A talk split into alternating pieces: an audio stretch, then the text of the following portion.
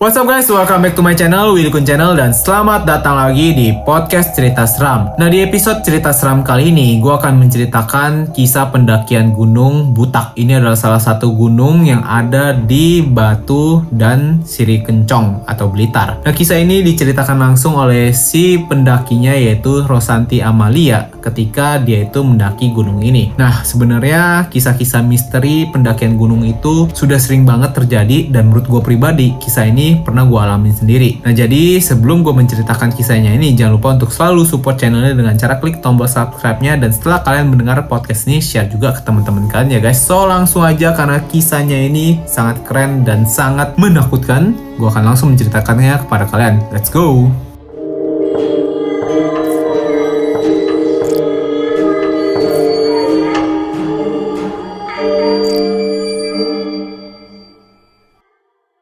Jadi kisahnya ini dituliskan oleh salah satu penulis di Quora bernama Rosanti Amalia dari sebuah pertanyaan. Apa pengalaman terseram yang pernah kamu alami selama hidup? Sang penulis pun menulis, pernah ada satu kejadian, saya mengalami pengalaman mistis yang sampai sekarang masih antara percaya gak percaya, masa sih pas itu beneran diganggu? Maaf ini panjang soalnya saya butuh prolog kalau cerita. Saya ikut pecinta alam pas SMA, nah waktu itu ada agenda buat naik gunung. Sesuai kesepakatan, saya dan tim pilih daki lintas jalur Gunung Butak dengan naik via Batu dan turun via Sirah Kencong Blitar. Kita ambil keputusan ini dengan pertimbangan anggota tim yang jumlahnya mayoritas perempuan dan banyak yang masih pemula. Di sini pun penulis memberikan gambaran di mana bentuk dari gunungnya ini berkabut atau berawan gitu ya kemudian di jalur pendakiannya juga penuh dominan dengan perhutanan tapi masih ada kayak jalan-jalan lumpur gitu yang masih bisa didaki bersama-sama guys. Kemudian lanjut lagi sepenulis melanjutkan ceritanya sewaktu dari base camp sampai ke summit attack atau menuju puncak gitu ya. Bahkan sempet camp di Sabana bener-bener gak ada kejadian mistis sama sekali. Kendala kami cuma estimasi waktu yang lumayan molor karena fisik emang belum terbiasa buat mendaki gunung. Ya memang karena si pendaki-pendakinya ini baru pertama kali mendaki gunung pada saat itu. Nah akhirnya jam 12 siang kami turun dari puncak setelah berfoto-foto ria namanya pendaki pertama pasti heboh lah sama view yang bagus. Apalagi kita waktu itu aji mumpung dapet samudra di atas awan. Saya kasih gambaran dulu tentang trek via Sirah Kencong. Nah Sirah Kencong itu merupakan perkebunan teh sebelum turun nyampe ke kebun teh. Yang di bawahnya ada base camp. Kami harus melewati pos 5 sampai 1 dan bukir. Nama pos terakhir. Jalur ini terkenal menanjak dan berat karena kemiringannya untuk turun normal cuma butuh waktu 5 sampai 6 jam. Tolong di note waktu 5 sampai 6 jam tersebut ya guys ya. Kemudian ini adalah fotonya bisa memperlihatkan keadaan ketika mereka turun ya guys ya. Jadi ini kiri kanannya memang penuh dengan kebun teh sedangkan jalan tengahnya itu menurut gua jalur pendaki eh jalur penurunannya ini cukup enak sih karena cukup landai kemudian ada kayak batu-batunya gitu ya. Tapi ini gua belum pernah ke sini tapi kelihatan kayak jalurnya sih cukup enak lah ya. Nah kemudian lanjut lagi, selama perjalanan turun, tim udah mulai kepisah jadi tiga. Saya termasuk tim belakang sendiri karena fisik saya yang lemah, jadi jalannya lemot banget atau pelan. Ditemani tiga orang teman yang lainnya. Nah jarak dari tim tengah sama belakang nggak terlalu jauh, jadi kita pas teriak-teriak masih kedengeran. Sedangkan tim depan udah jauh gak kelihatan. Pas udah sore gitu, salah satu tim tengah sebut saja Mawar manggil tim depan.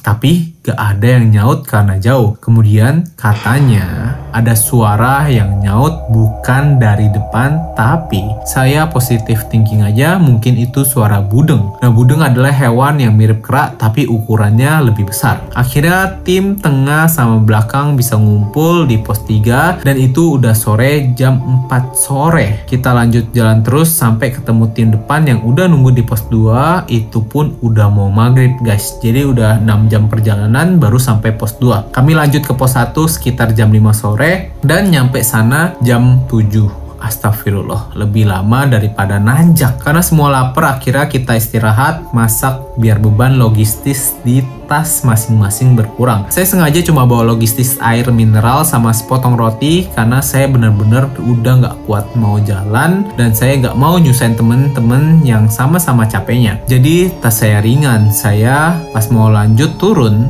masih beberapa langkah ya Allah wassalam. Itu tas saya tambah berat banget sampai tiap ada turunan cuma bisa sambil jongkok terus nyesot karena gak kuat nahan beban di dengkul yang rasanya kopong. Belum selesai sampai di situ, penderitaan saya ditambah lagi pas menuju Wukir. Pos setelah pos 1 nggak nyampe-nyampe. Jam udah nunjuk pukul 9 malam padahal saya lihat loh ada lampu-lampu penduduk banyak. Tapi saya baru ngeh pas udah turun seharusnya rumah penduduk belum kelihatan. Wong kita aja belum sampai ke Bunte. Normal turun dari pos 1 ke Wukir itu nggak ada satu jam. Alhamdulillah kami nyampe di Wukir jam 10 malam. Padahal estimasi dari puncak seharusnya jam 6 maghrib udah sampai base camp. Teman saya yang laki-laki yang anaknya emang pendiam pokoknya dan sabar tiba-tiba semenjak dari pos 1 terus sambat karena nggak sampai-sampai. Kami pun lanjut berangkat lagi. Saya yang awalnya di depan sendiri karena paling lemah akhirnya di belakang sendiri dan tim mecah lagi. Mungkin mereka udah saking capeknya. Di sini kami udah nemu kebun teh dan memutuskan lewat jalan biasa yang dilewati kendaraan. Emang muter-muter tapi fisik kami gak kuat kalau dilewatkan trek jahanam tim depan nyampe di bawah base camp sekitar jam 2 pagi lah kami yang tim belakang sendiri padahal jaraknya gak jauh-jauh sama tim depan.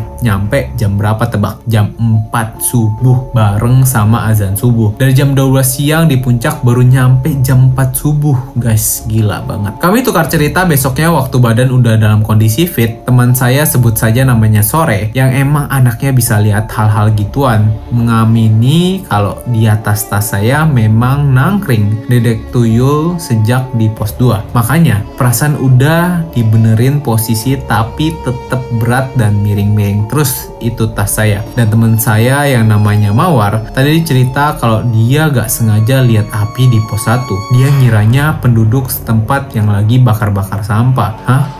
Beneran di hutan ada penduduk. Nah, penduduk alam goib mungkin iya. Ada juga yang dipanggil-panggil namanya padahal kita nggak ada yang saling ngomong pas jalan. Karena ya gimana udah capek gelap ambil nafas aja bingung. Karena rasanya ngap rebutan oksigen. Ya ditambah saya lihat rumah penduduk yang ada lampu-lampunya padahal kami belum sampai ke Bunte dan yang paling aneh adalah lamanya waktu perjalanan. Gak logis banget bisa selama itu meskipun fisik kami lemah buat jalan lama banget tapi sampai menghabiskan waktu 16 jam cuma buat turun guys. Nah informasi aja buat kalian, emang saya dan dua teman saya yang berlangganan ke bagian tim belakang sendiri. Memang kondisi fisik lagi head, ditambah sebelum hujan deras dan kami sempat kelesotan di tanah jadi mungkin, maaf, ada darah head yang gak sengaja ikut aliran air. Apalagi darah head itu amis dan konon katanya mereka sensitif sama bau amis darah. Nah, terima kasih sudah membaca pengalaman saya. Mungkin dari kalian juga pernah mengalami hal serupa. Nah, ini persis banget kejadiannya seperti yang gue alami di Gunung Lau, guys. Gue pernah mendaki Gunung Lau dan kejadiannya tuh sama persis ketika naik. Gue tuh